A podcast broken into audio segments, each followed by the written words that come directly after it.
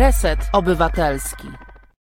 Dzień dobry Państwu, dobry wieczór Państwu, resetarianom, resetariankom, resetariańskim dzieciom, również kolejnym pokoleniom.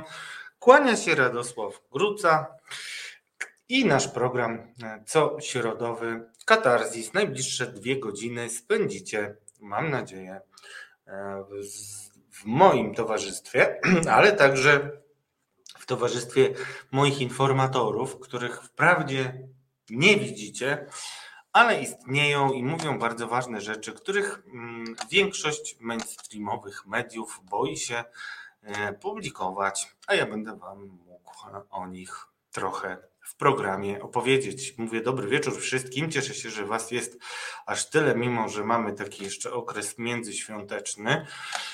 I e, cóż, e, ten okres międzyświąteczny powoduje, mm, że chciałbym mm, spróbować powróżyć troszeczkę z tego, co wiem, czyli nie z fusów, ale z informacji, które do mnie spływają. A powiem szczerze, głowa pęka od tego wszystkiego, co słyszę ostatnio, i wiem na pewno, że ten rok nie będzie ani spokojny, mm, ani stabilizujący sytuację. Raczej będzie nasza łódź e, pod polską banderą, nasz kochany kraj, ten kraj e, chybotany dalej. I opowiem Wam w dzisiejszym programie, w pierwszej części, o kilku mm, aspektach tego chybotania, ale także postaram się zarysować Wam mm, te tematy, które przynajmniej z tego, co słyszę z moich źródeł e, z Nowogrodzkiej, czyli z okolic prezesa Kaczyńskiego, mm, są najtrudniejsze z ich punktu widzenia. To jest bardzo ciekawa perspektywa, bo jako dziennikarz dociekliwy, a wcale niekoniecznie śledczy, bo kiedyś pisałem głównie o polityce, a nie zajmowałem się takimi śledztwami, tak jak sobie ludzie niektórzy wyobrażają, no ale dziennikarstwo mm, w XXI wieku, za drugiej okupacji, jak to mawiają mm, koledzy z PiSu, z PiSu mawiają, dlatego tak mówię i dlatego lubię to określenie. Więc za drugiej okupacji mm, realnie dziennikarstwo poważne, głębokie i bazujące na źródłach e, stało się realnie dziennikarstwem śledczym. Więc jako dziennikarz śledczy udaje mi się, mm, e, jako dziennikarzowi śledczemu udaje mi się czasami dotrzeć do informacji, które e, w pewien sposób Hmm, pozwalają zrozumieć logikę tej władzy, która z logiką, tak potocznie rozumianą, często niewiele mają wspólnego, albowiem e, tak to jest już w ustrojach, gdzie mm, rolę dyktatora mm, pełnią politycy z różnymi fobiami e, i innymi lękami.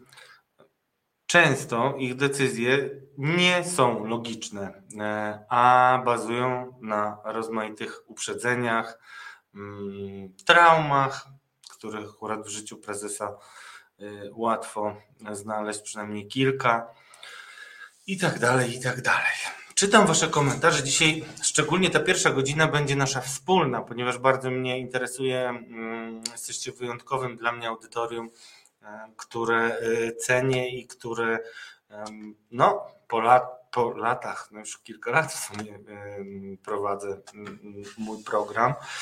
E, od roku nazywa się ponad Katarzis, ale cieszę się, że dostrzegacie pewną kontynuację w tym, co mówię i wiecie, że jestem Mam nadzieję, a jeśli nie, to proszę wytykajcie mi to spójne w tym, co mówię. A poza tym, jak wiecie, wszystkich serdecznie zachęcam do tego, żeby przyznawali się do błędu, jeśli taki mm, popełnią w swoim dziennikarskim rzemiośle.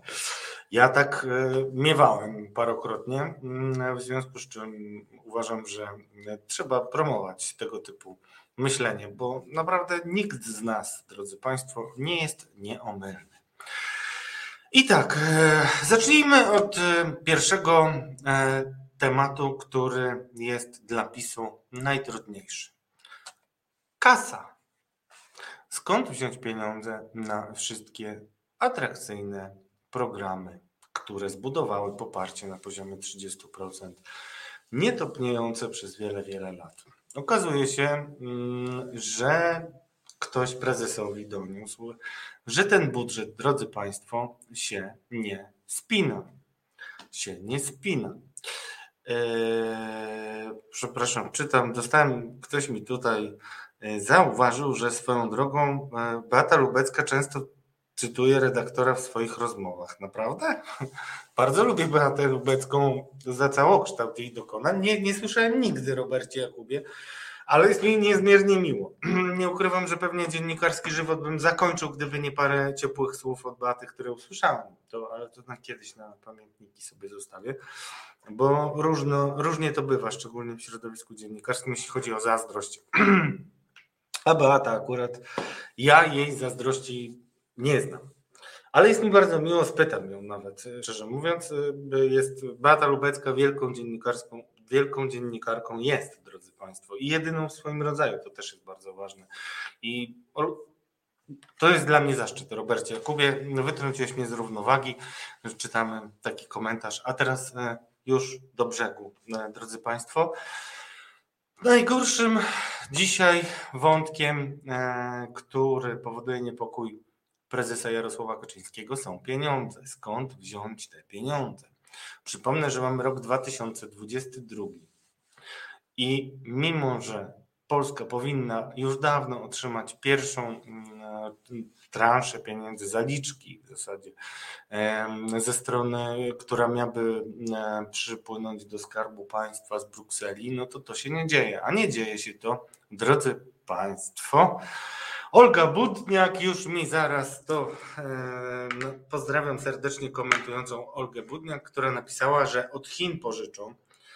Wrócimy do tego wątku, droga Olgo, e, ale na razie pieniądze, które nam się rzeczywiście należą, jako Polsce, jako krajowi, który e, złożył się na umowę powołującą umowę między państwami unijnymi powołującą e, fundusz odbudowy po, po pandemii, no te pieniądze powinny do Polski dopłynąć. Jak wiemy, nie dopłynęły, o czym szczegółowo informujemy Państwa na bieżąco w programie Bez Wyjścia, e, którego sens e, stworzenia mm, w zasadzie każdy tydzień przynosi mi kolejne informacje, które utwierdzają mnie w przekonaniu, że audycja o polexicie, którą nazwaliśmy Bez Wyjścia, którą prowadzimy z Marcinem Celińskim w czwartki od jutra, drodzy Państwo, o godzinie 19, dwugodzinna audycja. Będzie, będzie bardzo ważnym miejscem do tego, żeby skumulować pewne mm, treści hodowane w mediach tak zwanych e, prawicowych, a realnie prorządowych od wielu, wielu lat. My tam dekonstruujemy narrację i pokazujemy też, że widmo polexitu nie jest tylko jakimś tam mm, widmem właśnie, tylko jest realną perspektywą. Jutro bardzo ciekawe mm, też nowe wątki dotyczące tego, jak y, patrzą na Polskę firmy zagraniczne. To już mogę zapowiedzieć i mogę Was zaprosić na rozmowę e, z byłym europosłem, obecnie e, posłem Polski 2050 Pawłem Zalewskim, bo mm, już jesteśmy umówieni na taką rozmowę. Naprawdę bardzo ciekawy, mm, premierowo dwugodzinny program. E, zapraszam Was i tam będziemy więcej też mówić o pieniądzach. Ale wracając do problemów, które chmur, które kłębią się nad głową Jarosława Kaczyńskiego, największym problemem są pieniądze. Olga mówi, pożyczą od Chin. Nie jest to takie proste, ale rzeczywiście są tylko dwa źródła, z których Polska e, może realnie liczyć e, na pieniądze, które pozwoliłyby nam domknąć rozdęty, w moim przekonaniu, budżet. No i jednym są należne nam pieniądze z Unii Europejskiej. No i dlaczego my ich nie otrzymujemy, drodzy Państwo? No, oczywiście e, problemem e, są spory, których e, mm, no, emanacją są orzeczenia i decyzje zabezpieczające TSUE, Trybunału Sprawiedliwości Unii Europejskiej. Przypomnijmy, że pieniędzy z KPO nie dostajemy w związku z tym, że Mateusz Morawiecki w specjalnym wystąpieniu przed Parlamentem Europejskim obiecał, że no zlikwiduje Izbę Dyscyplinarną, co jak zawsze podkreślam, jest tylko fragmentem e, pewnych zmian, które wymusza TSUE, bo nie chodzi tylko o likwidację Izby Dyscyplinarnej, ale chodzi też o szereg innych zapisów e, wprowadzonych przez tak zwaną ustawę kagańcową, czyli tą ustawę, która pozwoliła Zbigniewowi e, Ziobrze przejąć w jakiejś mierze kontrolę nad, nad sędziami niepokornymi. Przynajmniej chwilowo, bo w tych oczekiwaniach Komisji Europejskiej obok likwidacji Izby Dyscyplinarnej wymieniano też przywrócenie do orzekania między, innego, między innymi sędziego Igora Tulei e, i kilku innych sędziów, którzy od orzekania są do dziś odsunięci. Czyli jaką mamy sytuację w głowie Jarosława Kaczyńskiego? Ano taką, że winny jest wszystkiemu Zbigniew Ziobro. Jakby na to nie patrzeć. A jeśli Zbigniew Ziobro, to i Solidarna Polska, powiecie Państwo, ale wcale to nie jest takie proste. Dlaczego? Dlatego, że y, y, moja insiderska wiedza i myśl, którą chciałbym Państwu zostawić po sobie, y, to to, iż Zbigniew Ziobro wcale nie jest jastrzębiem w tej ekipie, jeśli chodzi o pomysły sędziowskie. E, Jarosław Kaczyński ma dużo bardziej brutalne pomysły na e, wzięcie pod but sędziów. O tym, na ile brutalne, chodzą legendy, które wypływały między innymi z okolic e, Jarosława Gowina, który był świadkiem pewnych ustaleń, kiedy był jeszcze e, w koalicji, kiedy prawica była zjednoczona i były dwa skrzydła, czyli to radykalne mm, e, ziobrowe, polexitowe oraz te proeuropejskie Jarosław Gowin i jego ludzie. I wtedy już właśnie dochodziły sygnały, że Mateusz Morawiecki, ścigając się ze Zbigniewem Ziobro, proponuje różne rzeczy, próbując zgadnąć tok myślenia Jarosława Kaczyńskiego i miało to rzeczywiście podporządkować sądownictwo. Czytam też Wasze komentarze, staram się do nich y, nawiązywać, ale na razie będę kontynuował, chociaż y, w związku z tym, że realizuje nas, nas moja ukochana realizatorka Asiator, to poproszę ją, żeby dała mi sekundę, a mógł e, przełknąć mm, to, co e, mi na końcu języka e, się gdzieś świeżbi, bo jeszcze jest godzina mm, wczesna i nie można przeklinać. A kiedy myślę sobie o tym, do jakiego bagna mm, wprowadziła nas ekipa rządząca na własne jej życzenie, to trochę język mnie świeżbi, także Asiu, Asia Torku, kochana, daj mi chwilę oddechu, żebym wrócił do godnej formy, a po powrocie powiem Wam o tym, jaki jest sposób Jarosława Kaczyńskiego na rozwiązanie tej przykrej patowej sytuacji. Reset Obywatelski działa dzięki Twojemu wsparciu. Znajdź nas na zrzutka.pl. Witam serdecznie po przerwie. Radosław Gruca a przed chwilą posłuchaliście spotu, w którym głosu użycza postacią Klementyna Suchanów. Polecam Wam. Bardzo zacna inicjatywa i wszyscy powinniśmy interesować się metodami radzenia sobie z dezinformacją, bo jest to coś, co nas kompletnie jako społeczeństwo rozkłada. Powiem szczerze, jestem w szoku, ponieważ Olga Budniak, którą już raz czytowa, cytowałem, znowu yy, no zacząłem się zastanawiać, czy ona przypadkiem gdzieś blisko Nowogrodzkiej nie mieszka. Wiem, że niektórzy, jak pan Waldek z forum, yy, zarzucają mi, że szczególnie wylewny jestem w stosunku do naszych resetarianek.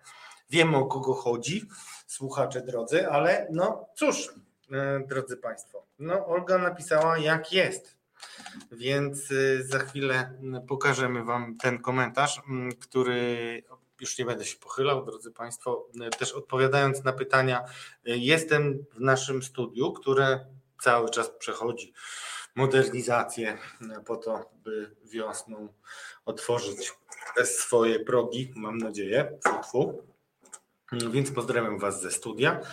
E, A Olgę Budniak pozdrawiam za komentarz, e, który e, właśnie widzą Państwo na, na, na, na, na tak zwanym pasku resetowym, czyli Kaczor chciałby zostawić ludzi Ziobry, a samego Ziobrę wywalić. Więc drodzy Państwo, każdy z Was ma szansę być lepszy niż większość polskich dziennikarzy, jedynie mm, bazując na swojej pamięci.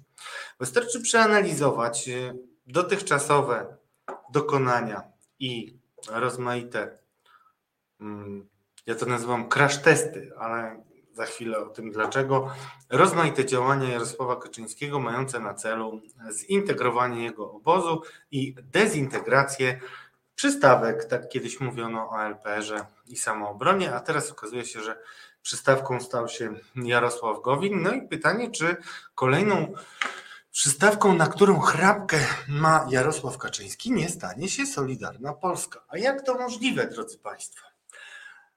Przypomnijmy sobie chronologicznie. Był 2007 rok, kiedy Jarosław Kaczyński zdecydował, że już nie może z przystawkami rządzić, mimo że były to bardzo grzeczne przystawki w porównaniu na przykład do Zbigniewa Ziobro, ale i jego ludzi z Solidarnej Polski, ale mm, już wtedy nie lubił e, problemów. Jak to się skończyło? Skończyło się utratą władzy, ale w jaki sposób to się odbyło, bo niektórzy mogą już nie pamiętać. Ano, Andrzej Lepper został odwołany z Ministerstwa Rolnictwa i czekano, co będzie dalej. Hmm, przypomina Wam to coś? Przypomnę Wam, że Jarosław Gowin e, został odwołany e, z funkcji wicepremiera i mm, ministra rozwoju i czekano, co będzie dalej. Wprawdzie jego wiceministrowie, znaczy jego, czyli członkowie jego partii Porozumienie, Marcin Ociepa i jeszcze kilku innych, deklarowali, że są zdolni do dymisji, ale jak patrzymy, pan Marcin Ociepa jest do dzisiaj wiceministrem obrony narodowej e, i tak dalej, i tak dalej. Jarosław Gowin wraca. Myślę, że już w weekend możemy go e, jakoś mm, usłyszeć i zobaczyć, bo wraca do formy, już jest po szpitalu, to mogę Państwu powiedzieć.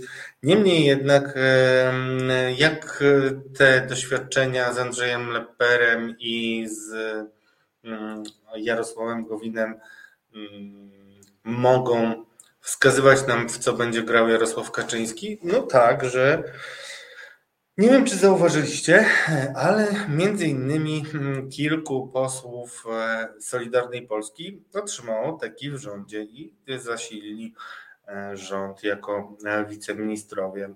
Mówi się, a wiem to z dobrych źródeł, że jest to plan na to, żeby przygotować ewentualny grunt do mm, takiej śmiałej decyzji, jak strącenie samego ministra sprawiedliwości i zobaczenie, co będzie dalej. Ilu ludzi może zostać przy twardym Zbigniewie Ziobrze? Wszystkim się wydaje, że Solidarna Polska to monolit. To grupa ludzi ślepo patrzących E, ślepo wykonujących rozkazy mistrza Zbigniewa Ziobro. E, z maili Dworczyka, dokładnie e, z maila pana Chłopika, do którego jeszcze dzisiaj będziemy wracać, wiemy, że część ludzi związanych z premierem uważa, że mastermindem jest takie słowo angielskie, czyli takim super kreatorem rzeczywistości, superumysłem Solidarnej Polski jest Jacek Kurski. Wielu może wydawać się to dziwne, bo przecież e, to TVP Jacka Kurskiego mm, swego czasu wycinała ludzi Zbigniewa Ziobro i nie byli oni zapraszani do programów publicystycznych i tak dalej, i tak. Może tak, a może nie. Niemniej jednak warto mieć to e, gdzieś e, z tyłu głowy, bo realnie patrząc na to, jak działa mm, maszyna propagandy rządzona przez Jacka Kurskiego, no to trzeba powiedzieć, że jest ona zbieżna z wszystkimi pomysłami mm, i decyzjami Zbigniewa Ziobry, bo jest antyunijna, prokatolicka z uwzględnieniem takich tuzów kościoła jak e, Leszek Sławoj Głódź, który, mm, przypomnę, wręczał pierścień Jackowi Kurskiemu w materiale otwierającym serwis informacyjny dziennik telewizyjny nazywany dla niepoznaki wiadomościami. I oczywiście ojca Tadeusza Rydzyka, którego tak mocno się nie eksponuje, ponieważ on ma swoją antenę, która jednak jest e, konkurencją dla TVP, ale e, ten wątek Kościoła jako mm, fundamentu narodu polskiego jest cały czas obecny. Kasta sędziowska, program Kasta, realizowany notabene przez znajomego, bardzo dobrego Jacka Kurskiego, o którym będziemy musieli zrobić jakiś specjalny program, ale to będzie mój autorski program, w którym e, opowiem Wam historię Jacka Kurskiego jako prezesa, bo e, bez fałszywej skromności mogę powiedzieć, że byłem jego zmorą przez dłuższy czas, kiedy jeszcze pracowałem w fakcie, ujawniałem różne rzeczy dotyczące bizantyjskiego stylu życia i bycia pana prezesa w TVP, Jacka, z którym jestem po imieniu chyba jeszcze. Więc tak e, warto to mieć na uwadze, jeśli chodzi o najbliższe scenariusze, bo e, dlaczego Jarosławowi Kaczyńskiemu opłacałoby się ewentualne wyrzucenie Zbigniewa Ziobry. Drodzy Państwo, po pierwsze, takie wyrzucenie mm, Ziobry może powodować, że wszystkie złe rzeczy, które wiemy o PiS, będą zrzucone na karp tego ambitnego polityka. Bo i wszystkie zarzuty o polexit łatwo przyczepić do Ziobry, i to, że pieniędzy nie mamy właśnie dlatego, że on próbował swoją nieudaną reformę przeprowadzić i nie chciał rozmawiać o tym, jak to zrobić, żeby Unia Europejska nie blokowała nam środków, też można na niego zrzucić.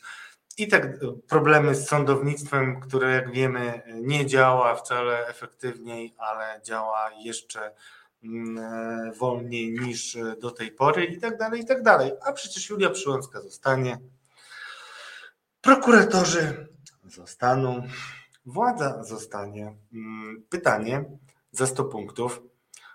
Jak zabezpieczyć się przed ewentualnym odwetem Zbigniewa Ziobro?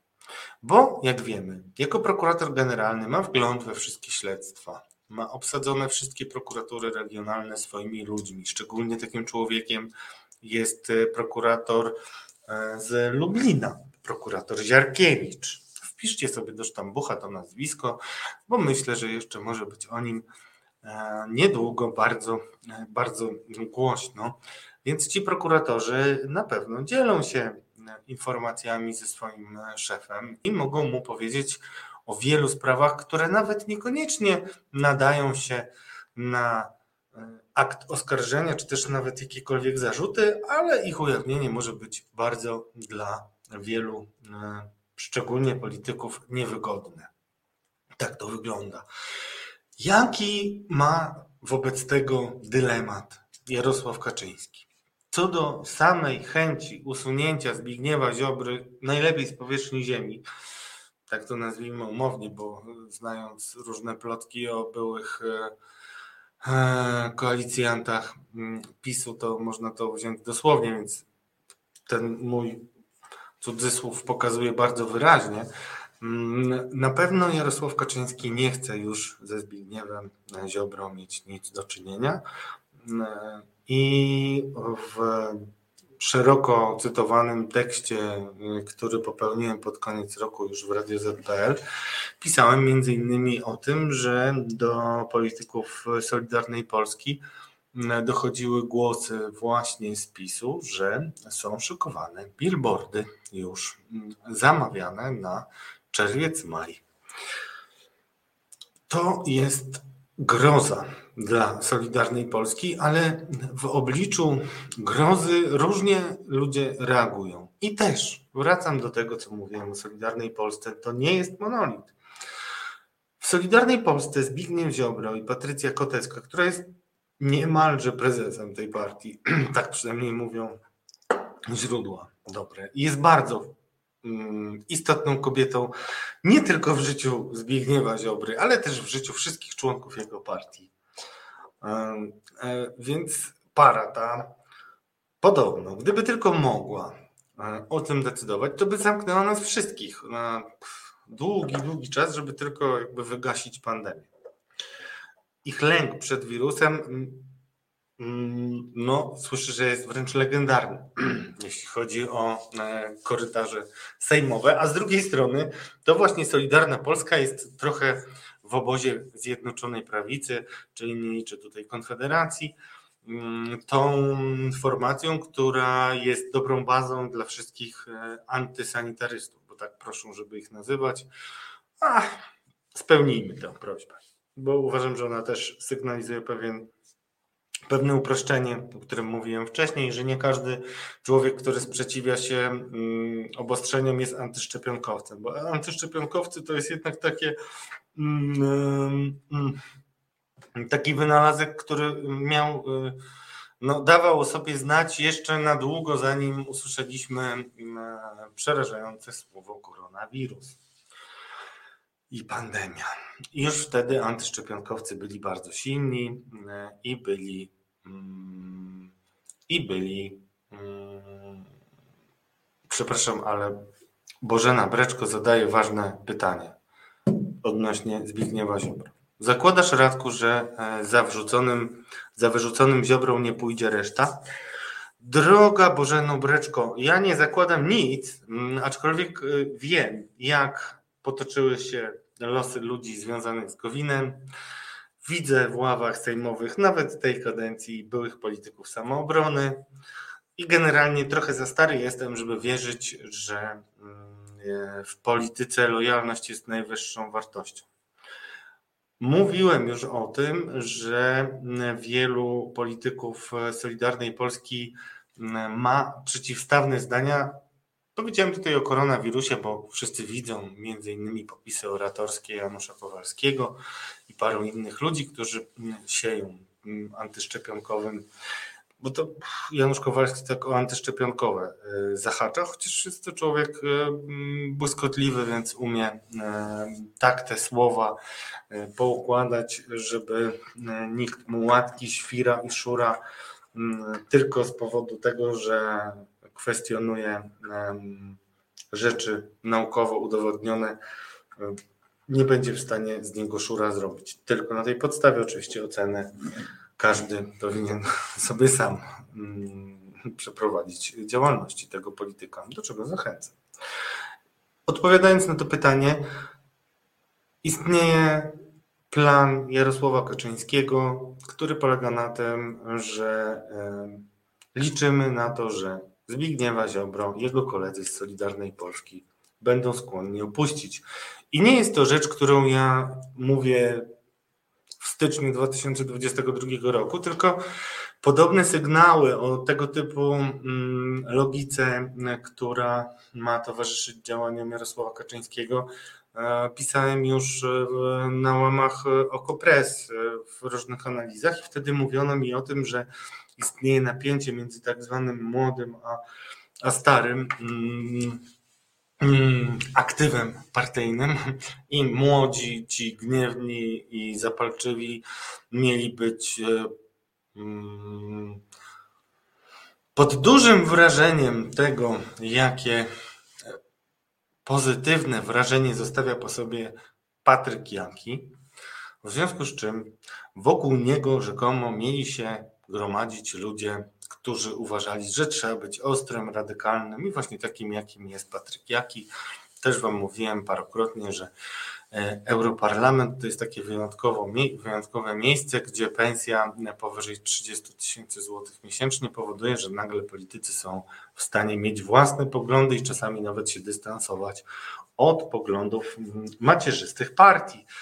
E, jaki nie jest tego na dziś dobrym e, przykładem, natomiast na pewno on rozwinął skrzydła jako e, europarlamentarzysta i bardzo inwestuje w rozpoznawalność, którą już przyniosły mu wybory, wprawdzie przegrane, ale mocno relacjonowane przez reżimowe, prorządowe media.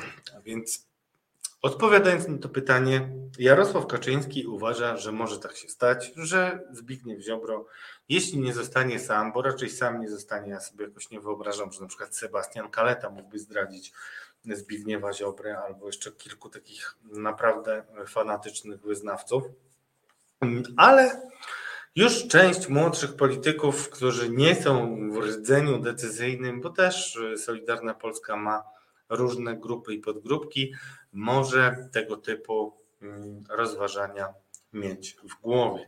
Więc misja na 2022, drodzy Państwo, mm, wykończyć Zbigniewa Ziobrę. Ziobro do wora, wór do jeziora, to podobno jest powiedzonko z tym worem Jacka Kurskiego, ale specjalnie je tutaj trochę sparafrazowałem, bo to nie chodziło o Ziobro, tylko chodziło o Macierewicza, bo tak podobno o Macierewiczu mówiono w TVP, znajdziecie pewnie ślady w dawniejszych publikacjach medialnych, ale generalnie pomysł na rozwiązanie problemów, które sam przecież PiS i Jarosław Kaczyński, nikt inny, tylko sam PiS i Jarosław Kaczyński nam to my mamy problem, nie oni. Oni się wyżywią, ale my jako obywatele mamy problem. Więc ten problem, te problemy e, Jarosław Kaczyński chce usunąć, usuwając Zbigniewa Ziobro. I stanie się to w moim przekonaniu w tym roku na 99,1%. Zostańcie z nami, posłuchajcie chwili muzyki a potem o kilku kolejnych katastrofach, które mogą pozbawić PiS władzy.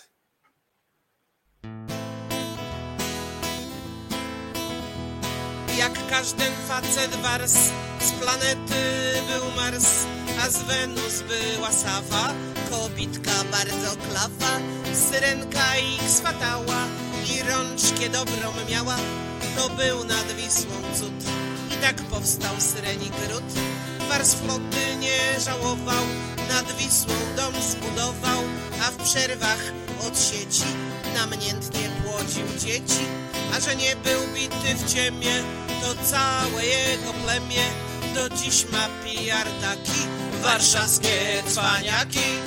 Bo my od Warsa i od Zawy już tak mamy, jak co do czego to nie wymiękamy. I sfaszone musi być. Nawet jeśli chwilowo nie chce ci się żyć. I nawet bossy, nawet gdyby nie miał nogi. Warszaw jak zawsze musi mieć ostrogi. Ze świecą szukać takich ludzi jak tu są.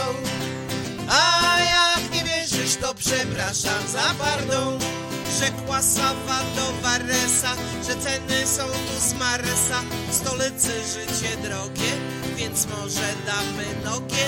Zanudziło się kobicie, stać w korkach w godzin szczycie. Dość miała już nie Boga, wszę do pańskiego smoga Wars patrzy na nią czule, rozumiem twoje bóle Ale nic nie poradzę i się nie wyprowadzę bo ja i moje plemię nie jesteśmy bici w ciemię, a PR mamy taki warszawskie cwaniaki. Bo my od Marsa i od Sawy już tak mamy, jak co do czego to nie wymiękamy. Tu elegancko i sfaszone musi być, nawet jeśli chwilowo nie chce ci się żyć. I nawet bossy, nawet gdyby nie miał nogi Warszaw jak zawsze musi mieć ostrogi. Ze świecą szukać takich ludzi jak tu są. A jak nie wierzysz to przepraszam za pardon Ciurala, ciurala, ciurala, la, ciurala, ciurala, ciurala, ciurala, Wracamy, drodzy Państwo. To jest Katarzis, Reset Obywatelski. E, Szykujemy się, to już zapowiem, do rozmowy z Karoliną Kowalską, która dołączy do nas e, po godzinie 20. Karolina Kowalska, dziennikarka Rzeczypospolitej e, i jedna z osób, za których rzetelność mogę ręczyć, będzie z nami rozmawiać na temat tego, jak może zareagować Ministerstwo Zdrowia, jakie są w ogóle nastroje e, wśród lekarzy i ludzi e, z systemu opieki zdrowotnej przed kolejnymi falami. A co jeszcze, drodzy Państwo, spędza sens powiek Jarosława Kaczyńskiego?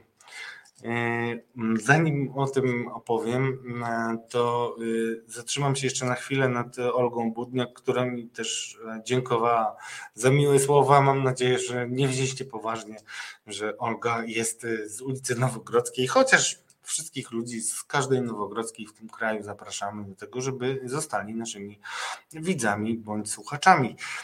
Niemniej jednak rzeczywiście w momencie, kiedy konflikt między Warszawą a Brukselą, między rządem polskim a e, władzami Unii Europejskiej będzie eskalował, to realne jest, że nie tylko środki z KPO, ale generalnie fundusze unijne będą w pewien sposób zamrożone. Stanie się to, o czym mówił Rafał Trzaskowski, prezydent Warszawy, jeszcze zanim został prezydentem ja sobie już utrwaliłem tę wypowiedź, ponieważ często ją pokazują w dzienniku TVP, a pokazują ją, żeby pokazać, jak to Rafał Trzaskowski chce grać racją stanu, dla politycznych e, swoich e, sukcesów. No generalnie chodzi o to, że Rafał Trzaskowski mówił, że jeżeli rząd Kaczyńskiego będzie, to nie jest dokładny cytat, ale taki jest sens. Jeżeli rząd Kaczyńskiego będzie dalej eskalował konflikt, to Unia Europejska zamrozi fundusze unijne i zostaną one odmrożone, kiedy PiS odejdzie od władzy. Powiedział to krótkim, dosyć mało złożonym zdaniem Rafał Trzaskowski, więc jest to powtarzane jak pętelka systematycznie w dzienniku, który przecież nie jest żadnym programem informacyjnym. informacyjnym. E, I rzeczywiście taka e, groźba istnieje. Jeżeli by miała być wcielona w życie, w co wątpię, ale też wątpiłem, bazując zresztą na rozmowach z ludźmi, którzy w Brukseli żyją na co dzień i są częściami tychże e, instytucji e, unijnych. Myślałem, że jednak mm, Unia Europejska tak bardzo będzie się bała groźby polexitu, że te pieniądze jednak e, prześle nam przed końcem roku, a jednak się nie objęła. Mnie to osobiście, nie będę mówił, co mnie to osobiście, Y, ale mm, no, było to trochę dla mnie zaskakujące, chociaż już od połowy grudnia było to pewne. Natomiast Jarosław Kaczyński na pewno boi się, że może to być e, dalej idące, a wtedy oznaczałoby to dla niego ewidentnie koniec władzy i to e, koniec władzy w najgorszym możliwym wariancie, bo to, że PiS może stracić władzę, mieści się jakoś w wyobraźni Jarosława Kaczyńskiego, ale że mm, może stracić wpływ na to, jak potoczą się jego dalsze losy, będąc na przykład największym ugrupowaniem opozycyjnym, to już się Jarosławowi Kaczyńskiemu w głowie nie mieści. A taka groźba jest realna, jeżeli nagle na przykład rolnicy straciliby unijne dopłaty. Wyobraźcie sobie, co by było nagle w głowach i sercach rolników, e, którzy przecież nieraz już byli ostrzegani przez opozycję, że PiS doprowadzi do tego, że nie będą mieli pieniędzy. Więc wtedy na widłach by PiS wywieźli gdzieś w ciemne miejsce. Więc to jest realna bardzo groźba, która realna zdaniem Kaczyńskiego, e, którą można załatwić tak, droga Olgo Budniak, nasza e, komentatorko i resetarianką, tylko w jeden sposób można załatwić, szukając pieniędzy w Chinach. Nie wiem skąd ten pomysł. Znaczy, oczywiście mogę się domyśleć, ale to znowu na kolejny mm, dwugodzinny program musielibyśmy chyba zaprojektować rozmowę o tym, w jaki sposób Chińczycy skradali się do Polski i jakie mieli koncepcje. Natomiast no wiemy już, e, że po pierwsze mm, PiS czasem jeden do jednego kopiuje rozwiązania, które już e, wdrożył e, w swoim państwie Viktor Orban Z tym, że on to zrobił w zgodzie z tamtejszym prawem i z tamtejszą konstytucją, miał większość konstytucyjną, a Jarosław Kaczyński jej nie ma i jej mieć nigdy nie będzie. To tak y, bym obstawiał, gdybym miał się zakładać. I Viktor Orban między innymi e, korzysta z pieniędzy chińskich, ale korzysta też oczywiście ze wsparcia Władimira Władimirowicza Putina, prezydenta Federacji Rosyjskiej, byłego kagiebisty, a kagiebistą nie, przyznaje, nie przestaje się być nigdy. Człowiek wyjdzie ze służb, a służby z człowieka nigdy, drodzy Państwo. Także rzeczywiście pomysłem są e, pieniądze z Chin. Większość ludzi uważa, że to jest jakiś wariant po prostu z rodem e, z prozy political fiction. No, tymczasem ja mam bardzo świeże informacje o tym, że mm, w Pałacu Prezydenckim mm, jest taka grupa ludzi, która myśli o tym bardzo poważnie. E, I chciałem też pochwalić, e, drodzy Państwo, nasz zespół resetowy, bo pierwszy raz o pieniądzach chińskich mogliście usłyszeć w programie Tomka Piątka Dochodzenie Prawdy, gdzie mówił on o pewnych przesłuchach. I wtedy no, oczywiście większość mainstreamowych mediów e, nie poszła tym tropem, a przynajmniej nie wiemy o tym, żeby jakiekolwiek publikacje ten temat zgłębiające się pojawiły. Mam nadzieję, że też osobiście będę mógł to niedługo mm, nadrobić. Natomiast dzisiaj jesteśmy w takiej sytuacji, że potrzebujemy pieniędzy na gwałt. Mówię teraz o Jarosławie Kaczyńskim, ale mówię też o Polsce. I te pieniądze będziemy, mm, o te pieniądze będziemy zabiegać tam, gdzie mm, można. Od Rosji samej nie weźmiemy, zresztą Rosja chyba nie ma takich możliwości Chiny są zdecydowanie wariantem rozpatrywanym i miło mi to powiedzieć, że w resecie Tomek Piątek mówił o tym pierwszy. Jestem przekonany, że e, minie parę tygodni, może miesięcy i te rzeczy, o których dzisiaj mówimy, na własną odpowiedzialność w naszych programach będą bardzo szeroko komentowane. Nie tylko moim zdaniem, drodzy Państwo, w Polsce. Także Taka dzisiaj jest perspektywa, że Jarosław Kaczyński nagle w styczniu zorientował się, że może mu zabraknąć pieniędzy na bieżące, e, drodzy Państwo, wydatki. Poproszę chwilę przerwy w takim razie e, i przejdziemy do e, kolejnego wątku. Chciałbym Was wprowadzić w to, w jaki sposób Jarosław Kaczyński i jego doradcy wkalkulowali sobie zgony w swoje polityczne plany. Poproszę chwilę muzyki, a potem wracamy. Prawoteka. Sędzie Monika Ciemięga, Jolanta Jerzewska i Marta Korzuchowska-Warywoda z Fundacji Edukacji Prawnej Justitia zabiorą Was do świata pełnego teczek z aktami. Wyjaśnią, na czym polega praworządność, sprawiedliwość, ale także jak uniknąć problemów z prawem porozmawiają z zaproszonymi gośćmi, odpowiedzą na Wasze pytania. Nie musicie wstawać. Sąd idzie w poniedziałki o 21 w resecie obywatelskim. Wracam do Państwa. No, czytałem komentarze, zresztą niektórym mm, z Was, moi drodzy, zdążyłem odpisać, bo chciałbym jakoś zamknąć klamrą tę moją opowieść o problemach ze Zbigniewem Ziobro i pytaliście, jak to jest możliwe, y, że nie udało mu się pierwszy raz, a, y, a Jarosławowi Kaczyńskiemu nie udało się za pierwszym razem usunąć ministra sprawiedliwości Zbigniewa Ziobro i czemu miałoby się udać teraz.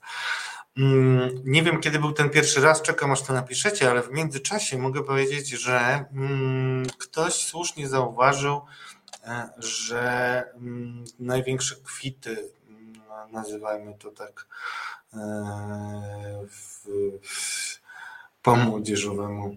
Największe kompromaty, bo tak to chyba się powinno nazywać naprawdę, może mieć Zbigniew Ziobro oczywiście na swojego największego przeciwnika, którym jest Mateusz Morawiecki. Co w związku z tym chodzi po głowie Jarosławowi Kaczyńskiemu? No, nie chciałem o tym mówić, powiem szczerze, bo e, wolę jak e, moje prognozy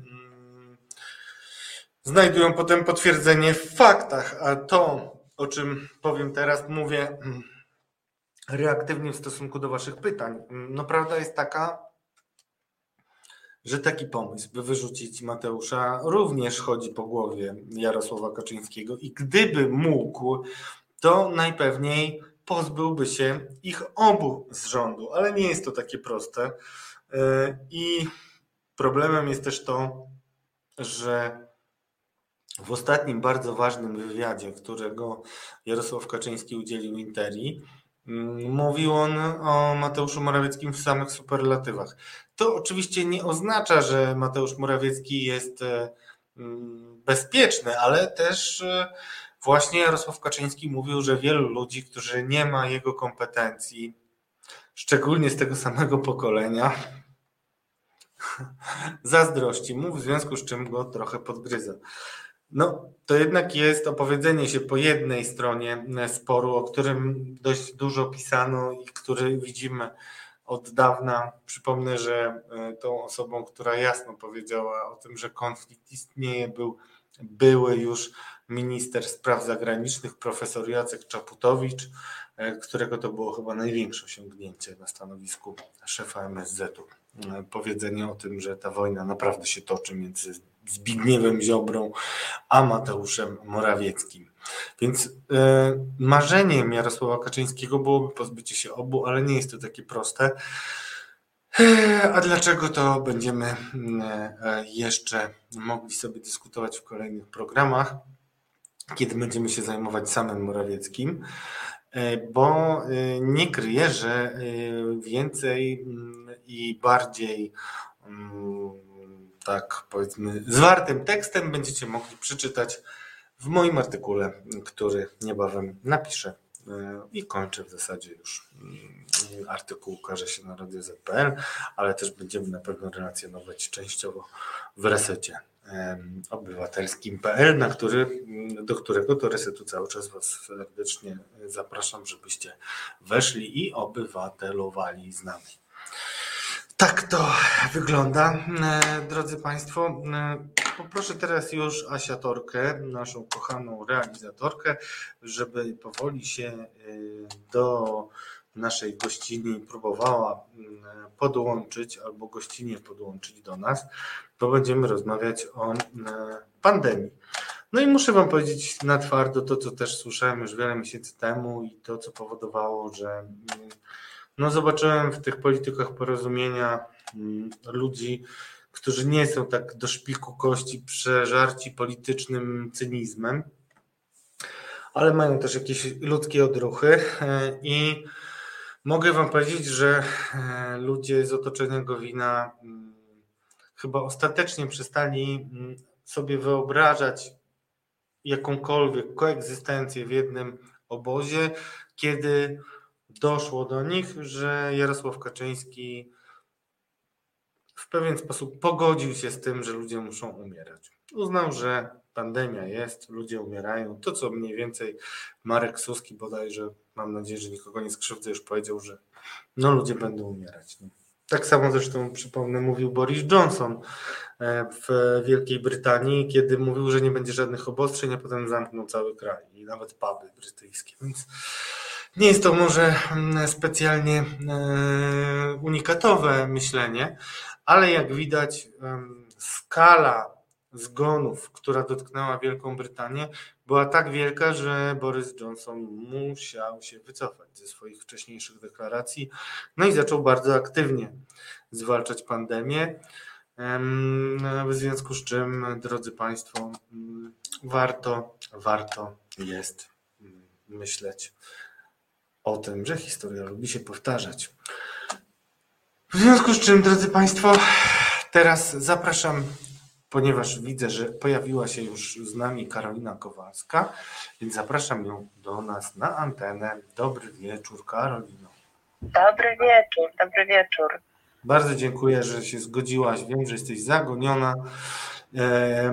No i cóż, chyba w ogóle ten okres pandemii w Twoim dziennikarskim życiu, które i tak było nie najprostsze, tak to nazwijmy, i zawsze byłaś osobą ambitną, no to jest chyba wykańczające. E, doświadczenie, dlatego zawsze, tak jak zawsze zapytujecie na początek, e, na jakim etapie Twoim zdaniem jesteśmy, mm, że tak powiem, no, stanu morale naszego systemu opieki zdrowotnej, bo dopiero co spotkałem się z przyjacielem, którego e, bliscy pochodzą no, z krańca Polski, z Podlasia i tam już e, nawet są takie cmentarze, gdzie jest las nowych krzyży i e, panie z po, nieodległej wsi opowiadają o tym, jak to najpierw zachorował ojciec, a potem jego dzieci, babcia, dziadek i dzisiaj wszyscy już leżą tam wśród tych lasów krzyży. Czy y, Twoim zdaniem nasi lekarze i personel medyczny są gotowi na to, że czwarta fala zmieni się w piątą i zgony będą zatykać nam szpitale chyba już lada dzień? No to są gotowi. To taka e, dobre pytanie. Ja dzisiaj rozmawiałam z czterema lekarzami. Oni są z różnych y, szpitali, z różnych, są lekarze różnych specjalności i każdy mi powiedział, że najlepiej to teraz by było się zamknąć w domu, zrobić sobie taki auto lockdown, nigdzie nie wychodzić, zamawiać jedzenie z, z supermarketu takiego, wiesz, online. I właściwie, jeżeli mamy gdzieś wychodzić, to w super mocnej masce. Oni są przekonani, naprawdę wszyscy, że rzeczywiście ta piąta fala, która według nich to już nie jest fala, tylko to jest tsunami, czyli taka fala za falą, fala przechodząca z falę, będzie bardzo, no, no, no zmiecie bardzo dużo ludzi i to jest yy, niebezpieczne nie tylko dla tych, którzy zachorują na koronawirusa, ale też dla tych, którzy oczywiście będą potrzebować opieki zdrowotnej z innego powodu. Dzisiaj Adam Niedzielski, minister zdrowia na konferencji prasowej powiedział, że on jest gotowy podwoić liczbę łóżek covidowych. Teraz jest ich około 30 tysięcy, a on jest gotowy nawet na zwiększenie tej liczby albo do 40 tysięcy w optymistyczniejszym scenariuszu, albo do 60 tysięcy przy czarnym scenariuszu. Lekarze mówią, no dobrze, no to jak pan tak sobie zwiększy tę liczbę łóżek do 60 czy 40 tysięcy, no to, to panu E, zajmie się tymi chorymi na COVID, bo po pierwsze, to wcale nie jest tak, że ci lekarze siedzą z założonymi rękami, tylko czekają na zaproszenie do szpitala covidowego, bo żeby przejść do tego szpitala covidowego, tymczasowego, będą musieli zostawić swoich e, chorych na oddziałach niecovidowych. A po drugie, praca w szpitalu tymczasowym na oddziale covidowym nie jest już tak atrakcyjna. To znaczy doszło do tego, że ci lekarze są tak zmęczeni, tak wypaleni, że wolą nawet za mniejsze pieniądze zostać na normalnym oddziale, niż iść do chorych covidowych. Powodów jest kilka. To, że tam z przerwy umierają ludzie i to jest dość obciążające psychicznie, to jest jedno. To, że ta praca jest ciężka, no bo niby należałoby wychodzić co jakiś czas z tej strefy covidowej, w której jest się w kombinezonie jakiś czas, nie wiem, się, że tak powiem, regenerować, bo w takim kombinezonie jest gorąco, trudno się oddychać i tak tym podobne. Ale potrzeby pacjentów są tak ogromne, że często niektórzy medycy wchodzą do tej strefy covidowej na kilka godzin, nawet na czasami w ekstremalnych wypadkach na kilkanaście, nie mają ani chwili odpoczynku, bo co chwila ktoś, jak to się mówi, załamuje, ktoś wymaga pilnej opieki lekarskiej. I oni naprawdę mówią, że są już tak psychicznie wykończeni tą pracą, pod każdym względem, nie tylko tymi ludzie umierają, ale tym, że nie mogą wypocząć ani chwili, że wolą już zostać na normalnym oddziale albo na normalnym szpitalnym oddziale ratunkowym Izbie Przyjęć, gdzie nie ma covidowych chorych, gdzie zarobią nawet o połowę mniej, ale wolą jakby pozostać w zdrowych zmysłach tak wygląda jakby, to jest takie streszczenie, podsumowanie dzisiejszych rozmów z jednym dyrektorem szpitala, z jednym chirurgiem, który pracuje na torze, z jedną anestezjolog, która pracuje w szpitalu takim dużym, ale który też się zajmuje covidowcami. No, ci ludzie naprawdę mają dosyć tego covidu. Anestezjolog mówi, przecież my nie byliśmy uczeni, nie specjalizowaliśmy się tyle lat, w tym szpitalu, który robił przeszczepy ogromne, do tego, żeby po prostu intubować ludzi, którzy za tydzień umrą. To jest ważne, ale my potrafimy co innego robić, a nie jesteśmy w stanie tego robić z powodu COVID-u. Mamy zapchany cały oddział intensywnej terapii tymi covidowcami i nie jesteśmy w stanie robić tego, do czego byliśmy super przygotowani przez lata studiów, przez lata oczywiście specjalizacji i tak dalej, bo nie możemy robić tego, co chcieliśmy całe życie robić i co jakby bardzo dużo kosztuje, żeby się w tym wykształcić, bo musimy e, się zająć covidowcami i to jest mało rozwojowo. Nie mówią, że mamy dosyć, nie chcemy pomagać tym ludziom, tylko mówią, kurczę, zwróćcie nam nasze życie, również zawodowe. To nie będą ludzie, którzy pójdą do szpitala covidowego, żeby im dano nawet trzy razy tyle. Karolino, bo, po, poruszasz ważny wątek, który trochę mnie jakby mm, zachęca do tego, żeby zboczyć y, z kursu, który obrałem pierwotnie, y, projektując sobie w głowie naszą rozmowę, bo y, wracam też do naszej rozmowy, którą mieliśmy mm, w jednej z poprzednich audycji, gdzie tłumaczyliśmy ludziom, że świetnie jest czarno-biały i że mm, e, przerzucenie obowiązku promocji szczepień na lekarzy potrafi też różne, no takie bym powiedział, efekty uboczne, mocne na, e, na nas, pacjentach, wywierać. To wszystkim polecam, żebyście sobie. O, o, widzę, że jest wiernych wielu słuchaczy, więc polecam Wam wrócić do tego, ale mm, ponieważ czytam komentarze i chciałbym, żebyś też e, się z nimi zapoznała, chciałbym, żebyś się do nich odniosła. Marek Jurkiewicz pisze, że mm, wmówili ludowi, że wirus jest w odwrocie nawet maseczki niepotrzebne. Bawcie się, radujcie. 30 tysięcy ludzi na Sylwestrze marzeń. Tak e, pisze Marek. I e, wcześniej jeszcze dodawał, że e, od dawna uważam, że to nie pieniądze są największym problemem dla PiS, tylko pandemia. Ogłosili, że jej nie ma i teraz nie mogą wprowadzić obostrzeń, bo w narodzie wywoła dysonans. Konkludując, Karolino, w moim przekonaniu i z rozmów z politykami wiem, że oni e, dyskusji wokół e, szczepień, e, obostrzeń i tak dalej upatrują nowego podziału politycznego, nawet do tego stopnia. Może przesadzają, ale na pewno będzie to ważny, ważny wątek i chociażby dzisiejsza informacja o tym, że prezydent Andrzej Duda znowu jest chory na COVID i sprzeczne są informacje, na ile lekko e, to przechodzi. E, czy, czy, czy ty się zgadzasz e, z taką opinią, która, którą ci cytowałem, że to tak naprawdę ludzie PiSu, ludziom nie PiSu i PiSu również zgotowali ten los?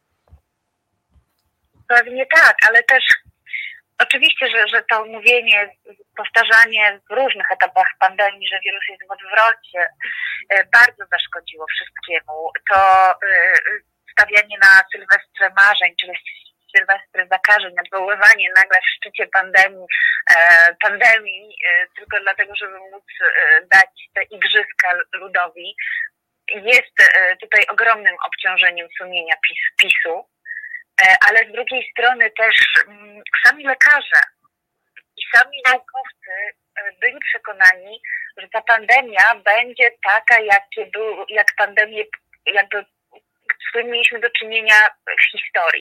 Czyli na przykład ta Hiszpanka sobie trwała, przepraszam jeśli się mylę, około pięciu lat, ale miała jakiś tam okres wylęgania, trochę dłużej się sobie z nią świat radził, dlatego że nie mógł, że, że jednak transmitowały się te choroby, ta choroba się, te zarazki dużo wolniej, dlatego że ludzie jednak tak powszechnie nie latali samolotami i tak dalej i tym podobne, więc jeżeli ta jest szybsza, no to ona się właściwie powinna skończyć za dwa lata. Słyszałeś pewnie, ja słyszałam od wielu, e, wielu bardzo ekspertów, takich poważnych, że właściwie to tak to już tej piątej fali nie będzie, to już będą niedobitki, to już będziemy umieli żyć tą pandemią i praktycznie będziemy wracać do normalności. A tutaj wirus, taki bardzo prosty organizm, ale bardzo e, inteligentny, nie wiem, jak określić matematycznie inteligentny, dlatego że ma no, nieskończoną e, możliwość właściwie mutacji, stwierdził, nie, ja tutaj zostaję, ja nie będę się zachowywał tak, jak wy sobie wyobrażacie, że się zachowam, tylko zacznę mutować w kierunkach, których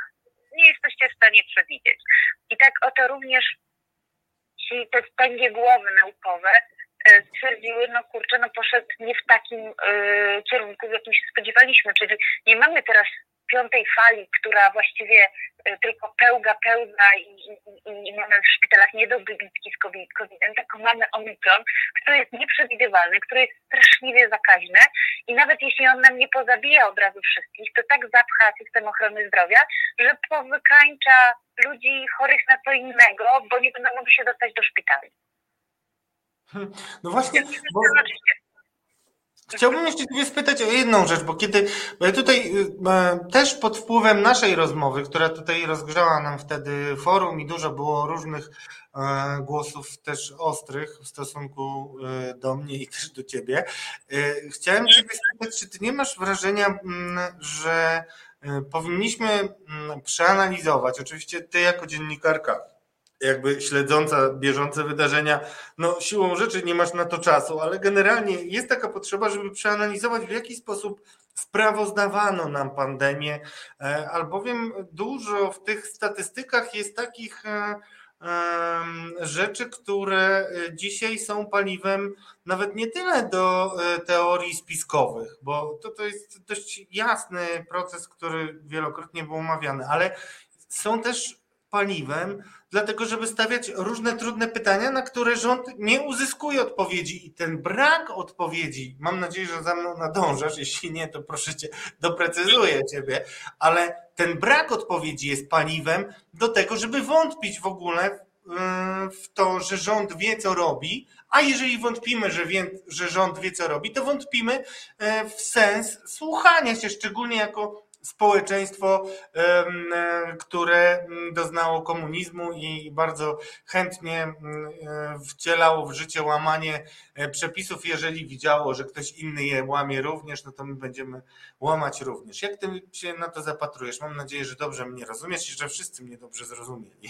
Jeśli Tak, nie, to to się mówić o tym, że sami sobie, że, że rządzący sobie sami zaprzeczali po prostu Tak. No oczywiście, no zarządzanie tą pandemią jest żadne.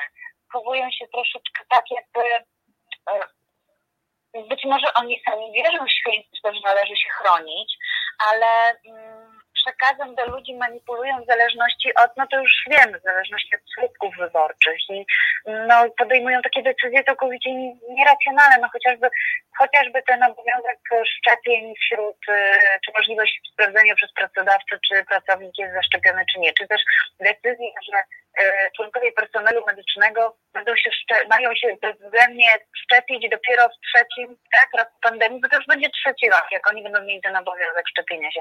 Jeżeli e, jakby w ten sposób mrugają do tych wątpiących, mówią im, słuchajcie, no my tak niby mówimy, że jest pandemia, ale tak naprawdę my w tą pandemię nie wierzymy. Więc No. wy też nie wierzcie i macie prawo wątpić w to, czy trzeba się szczepić, czy trzeba się chronić. No, I ten, ten brak konsekwencji w przekazie powoduje, że niektórzy mogą naprawdę uwierzyć w to, że to wszystko jest spisek polityczny. No właśnie, ale też nie oczekuję, przepraszam, widzicie, aż się zakrztusiłem, myśląc nawet o tym pytaniu, które mam dla Ciebie, Karolino. E, Nie oczekuję od Ciebie jakiejś ostatecznej, takiej konkretnej odpowiedzi, ale czy jesteś mi w stanie jakkolwiek wytłumaczyć to, że i to akurat jako człowiek, który jednak musi być trochę na bieżąco, wysłuchałem e, z trybuny sejmowej, mianowicie wiceminister Kraska, mówił o tym, że 92 albo 4% ludzi, którzy umierają, i mówił to w grudniu na pewno, e, to e, ludzie, którzy są niezaszczepieni, a teraz to już bardzo chyba takim trwałym m, trendem jest to, że zmarłych jest tam około 70 paru procent. No jednak dla ludzi, którzy e, no, mają różne wątpliwości, to jest zastanawiające, dlaczego wczoraj było 90 parę procent, a dzisiaj jest 70, to może za miesiąc się okaże, że jest w ogóle 50% ludzi, którzy umierają, a wtedy jeżeli to jest 50 na 50, to w ogóle nie warto. Czy ty... tak, No właśnie. tak bardzo możliwe, że właśnie tak jest. Bo jakby też sami specjaliści tłumaczą, że być może te szczepionki, nie, znaczy też układ immunologiczny każdego człowieka to jest mimo wszystko kwestia indywidualna. Oczywiście do, większości zachowa się tak, jak oni przewidują, ale będą takie jednostki, u których po zaszczepieniu być może w ogóle nie, nie wystąpi jakaś, e, e, jakaś odporność. No ja chciałam powiedzieć, że ja zachorowałam na koronawirusa półtora miesiąca po tym, jak się zaszczepiłam pełnodawkowo. No, miałam dość nieprzyjemny, nieprzyjemny przebieg choroby.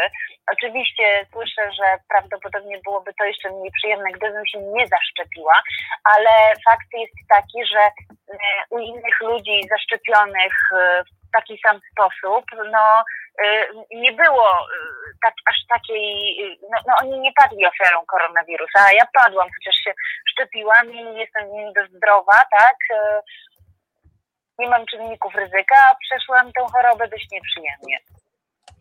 No właśnie wiem, no i, ale właśnie, czy ty rozumiesz, dlaczego tak jest? Czy to po prostu jest jakby ko- kompletna niekompetencja, czy nie wiem, czy może jest jakiś imperatyw, który ty jako dziennikarka, yy, no, z jednej strony specjalistyczna, ale też jakby no, masz doświadczenie dziennikarskie bardzo głębokie i też rozumiesz różne procesy między innymi polityczne.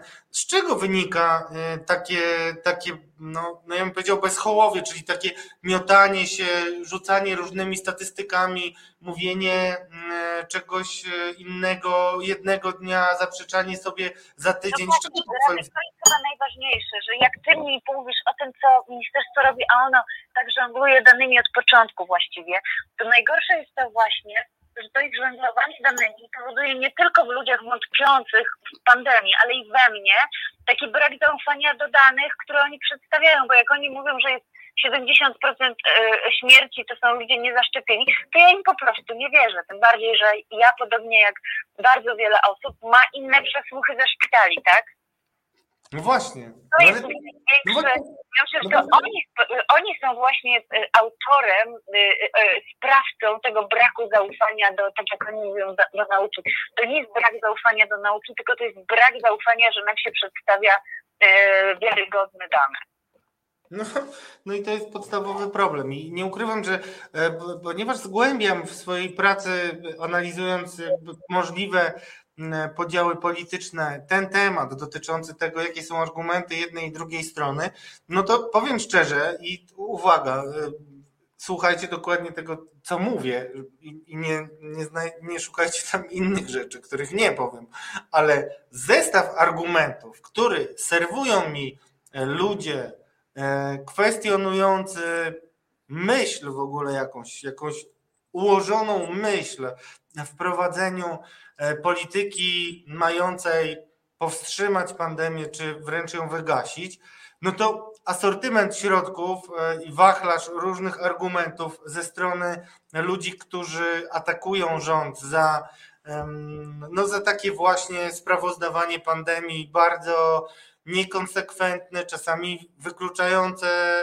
y, się informacje mm, i statystyki, które często mm, nie zawierają, choć powinny, gwiazdeczek, które y, gdyby przeczytać przepisy, mogłyby dawać zupełnie inne wnioski niż te, które są serwowane.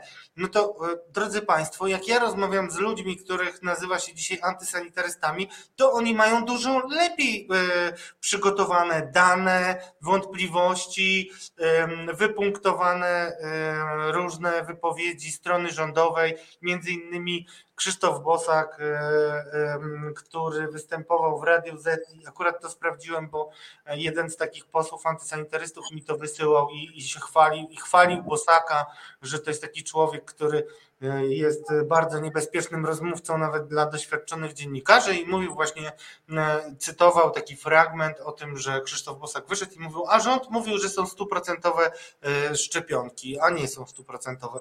I faktycznie, kiedy przejrzałem te dokładnie tę informację, no to natknąłem się na, jed, na komunikat jednej E, z wojewódzkich oddziałów GIS-u, jednego z wojewódzkich oddziałów, gdzie rzeczywiście taka liczba padła, te 100% skuteczności. Mimo, że rzeczywiście to, to jest no, niemożliwe. No ale czy ty też masz takie wrażenie, że, że tam myśl powiedzmy sceptyków, takich nazwijmy, ludzi, którzy nie kupują tej argumentacji, którą nam przedstawia rząd, jest dużo bardziej, że tak powiem, przemyślana, spójna i no, z braku lepszego słowa powiem konsekwentna. Oczywiście, no, a jednocześnie jakby e, upewnia ich tym, że rząd nie ma racji, a oni mają to, że ten rząd nawet nie próbuje tej ich argumentacji przyjąć, nawet nie próbuje słuchać, co ci ludzie mają do powiedzenia, tylko od razu się mówi o nich antyszczepionkowcy, mówi się o nich e, foliarze, w ogóle się nie da im dojść do słowa. No, przy, przykładem jest Paweł Basiukiewicz, taki lekarz, który jest w ogóle odsądzany od czci i wiary przez jakby mainstream, tak, przez rząd, przez wszystkich. Ten człowiek mówi, lekarz, kardiolog, internista, on mówi jedno, on mówi, że nie ma dowodów na to, że lockdown jakby zatrzymuje transmisję wirusa i zapobiega rozprzestrzenianiu się pandemii, zapobiega, śmierciom, hospitalizacjom i tak. I, I on powiedział, że nie ma na to danych i że stwierdzenie, że taki lockdown pomoże powstrzymać pandemię, jest nieuprawnione, jest nieprawdą. No i no kurczę, nikt nigdy nie zbadał, taka jest prawda, że nie ma badań opublikowanych w różnych annałach, nie ma badań, których e, wyniki są w tych wszystkich PubMedach, w takich bazach medycznych, które by mówiły e, jasno, że lockdown spowodował, nie wiem, obniżenie się zakaźności e, w takiej populacji, w pandemii takiej. No bo nikt takich badań nie prowadzi i facet prowadzi, mówi prawdę, tak? Oczywiście to jest pewnie um, na, niekorzystne z punktu widzenia zdrowia publicznego, bo e, rząd się boi, że jeżeli ktoś im tak powie, ktoś powie ludziom, że nie ma dowodów na to, że lockdown e, powstrzyma rozwój epidemii, no to ludzie zaczną wychodzić i absolutnie lekceważyć e, jakby obostrzenia. No ale jakbyśmy mieli analizować twarde fakty, no to ten lekarz mówi, jakby jego twierdzenia są zgodne z evidence, tak zwaną based medicine, czyli medycyną opartą na faktach. I ten sam lekarz jest wyszedzany przez wszystkich i jest stawiany przez e, naczelnym rzecznikiem odpowiedzialności zawodowej lekarzy i ktoś chce mu zabrać prawo wykonywania zawodu. Tylko, że żeby komuś zabrać prawo wykonywania zawodu, to trzeba mu udowodnić, że on na przykład mówi nieprawdę. Oczywiście ja bym się zgodziła, że okej, okay, że chcecie mu zabrać prawo wykonywania zawodu, bo on mówiąc, że lockdown nie powoduje rozprzestrzeniania się wirusa, według Was zachęca ludzi do tego, żeby nie, nie ulegać obostrzeniom. Ale wiesz, nikt nie tłumaczy tego, że, że chce pana Pawła Basiewkiewicza pozbawić e, prawa wykonywania zawodu za to, że ewentualnie może mieć zły wpływ na ludzi e, i na ich zachowania, tylko za to, że on szerzy teorie niezgodne z wiedzą medyczną. Tyle, że on dokładnie się posługuje wiedzą medyczną, mówiąc, nie ma, nie ma pewności, nie ma dowodu na to, nie ma badań, które by pokazywały, że lockdown pomaga powstrzymać śmiertelność czy, czy zakaźność pandemii. Rozumiesz? Mhm. No, nie ukrywam, że jak pewnie sobie wyobrażasz, właśnie włożyliśmy kij w mrowisko i no, niektórzy nas e, trochę kąsają, mniej i bardziej. E, chciałem ci... Ja mówię o faktach. To, to Oczywiście, że tak.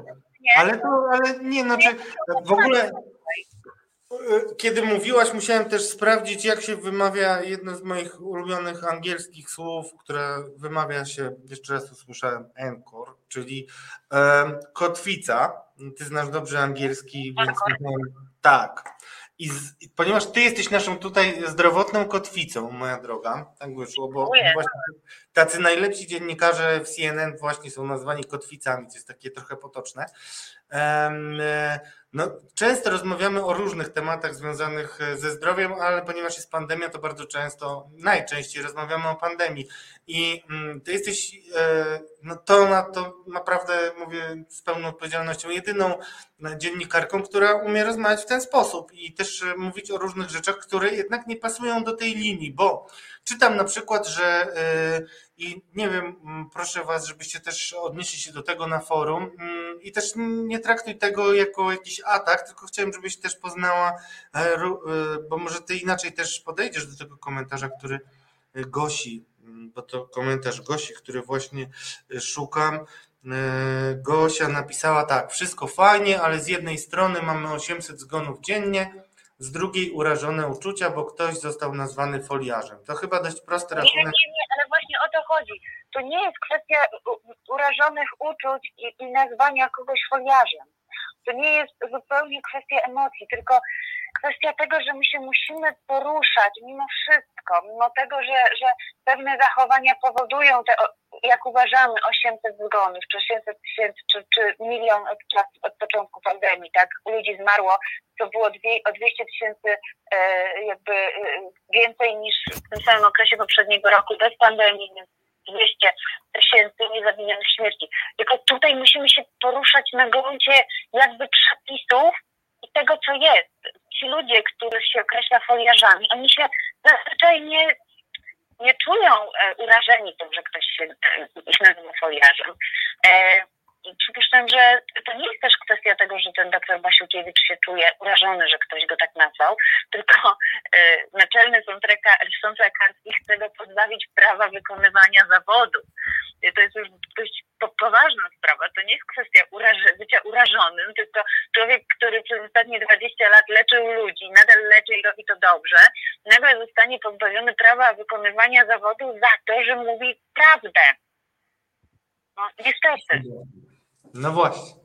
E, No, no Karolina, jestem zachwycony tym, że rozmawiamy. E, Jeszcze jedno- Tak, Ja muszę też powiedzieć jedną rzecz, bo to jest kwestia, jakby ja, ja od prawie sześciu lat pracuję w dziale prawnym Rzeczpospolitej i, i kiedyś jak przez te poprzednie y, właściwie wieku, strasznie dużo będzie lat, 16 może lat, pracowałam w dziennikarskich działach tak zwanych ogólnych. To był dział miejski, był potem dział krajowy i tam nikt, y, a tutaj ja pracuję praktycznie z samymi prawnikami, z ludźmi, którzy skończyli prawo, potem zostali dziennikarzami, e, również rozmawiam z prawnikami. Ci ludzie wszyscy, którzy ze mną w tej chwili pracują, myślą jak prawnicy. Czyli y, w ogóle odczuwają emocje i analizują y, problemy logicznie na początek. Y, Podstawowym pytaniem jest to, okej, no nie, waż, nie jest ważne, czy ktoś się obraził na kogoś, tylko czy ten ktoś jakby ma powody do tego, żeby tego kogoś pozwać. Rozumiecie, o co mi chodzi? Ja rozumiem, te 800 zgonów jest okropne i okropne jest, że ktoś może państwa zachęcać kogoś do nieszczepienia się i w ten sposób przyczyniać się do takich zgonów, tylko że nigdzie nie jest po pierwsze udowodnione, że to oni się przyczyniają do tych 800 zgonów, a nie na przykład rząd, który pozwala na pewne zachowania albo nie wprowadza e, restrykcji. A po drugie, no to dalej, no foliarze nie robią niczego, e, to, po- znaczy ich w świetle przepisów obowiązujących w większości przypadków to, co dzisiaj robią, nie jest, e, nie jest powodem, żeby ich za to karać w jakikolwiek sposób, bo prawo polskie tego nie przewiduje, bo gdyby przewidywało, to oni by byli karani. A z drugiej strony, jeżeli chcemy, jeżeli jesteśmy przekonani jako rząd, jako społeczeństwo, że te 800 dzisiejszych zgonów e, to jest bezpośredni wynik tego, że foliarze, mm, umówmy się, zachęcają kogoś do tego, by się nie szczepić, nie przestrzegać przepisów sanitarnych, no to w takim razie odpowiedzialny rząd powinien natychmiast zakazać tego rodzaju praktyk Mhm. i odpowiedzialnych za zgony, za doprowadzenie do śmierci, skazywać, bardzo surowo karać. I on tego nie robi. Moim zdaniem ten, ten foliarz, jakby na to nie patrzeć, to jest taki kozioł ofiarny trochę, ja, nie- ja nie mówię, żeby im współczuć, ale tak naprawdę rząd, który nic nie robi, usprawiedliwia tam siebie i swoją indolencję tym, że ktoś śmie głosić e, jakby e, tezy niezgodne z nauką. Tak bym to, ja to tak widzę, no.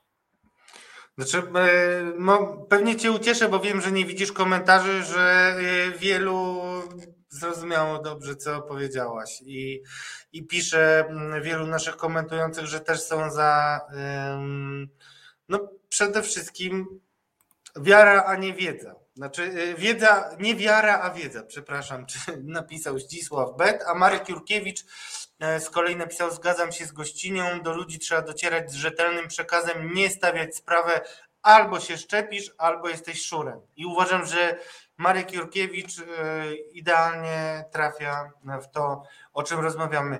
Karolino, zrobimy krótką przerwę i e, połączysz się z nami jeszcze na chwilę? Czy już Ja jesteś... Oczywiście. To Nie, no, prosimy, to prosimy krótką przerwę i wracamy do Państwa. Reset Obywatelski. Medium, które tworzysz razem z nami. Komentuj, pisz i wspieraj. Witam serdecznie, wracamy. Jest z nami Karolina Kowalska z Rzeczpospolitej i oczywiście resetarianki i resetarianie, którzy złapali chyba to, do czego, na, na co chcieliśmy zwrócić z Tobą ja i Karolina razem chcieliśmy zwrócić Waszą uwagę. E, Karolina, a chciałem jeszcze Ciebie spytać o, kwestię e, pozycji mm, e, ministra Niedzielskiego. Ponieważ co do tego mm, jest dość dużo mm, no, różnych mitów, plotek i przypuszczeń, a już opozycja zapowiedziała, że ministra Niedzielskiego chce zdymisjonować, to znaczy złożyła wniosek o wotum zaufania. I, e, no i chciałem Ciebie spytać, czy jak też Twoje doświadczenie mm, wieloletnie mm, Ci podpowiada? Czy Ty uważasz, że rzeczywiście w tym konkretnym czasie jednak, bo to jest istotna kwestia, czy w tym konkretnym czasie lepszym człowiekiem e, na stanowisku ministra zdrowia będzie lekarz, czy będzie właśnie ktoś taki jak Niedzielski, czyli ktoś, kto nie wiem, no, był w systemie, rozumie jak on funkcjonuje i tak dalej, ale system właśnie przechodzi bezprecedensowy i w ogóle trudny do wyobrażenia sobie crash test, tak? Więc e, jak twoim zdaniem to powinno Radek, ale jak to był w systemie? Minister Niedzielski był w systemie momencie, kiedy został PO prezesa. Nie wiem, 2018 chyba to był rok. I, y, albo, dziew- przepraszam, zaraz to sprawdzę. Natomiast to jest y, porównanie z lekarzami, którzy byli w systemie, którzy właściwie od bardzo wielu lat, y, oprócz tego, że są lekarzami, i mają takie doświadczenie mm, w szczególnym polu walki, jakim jest ochrona zdrowia, jakim jest leczenie w ogóle człowieka, to jednocześnie mają ogromne doświadczenie w zarządzaniu i to zarządzaniu czymś y, bardzo specyficznym, jakim jest szpital czy przychodnia. Jest takich ludzi mnóstwo.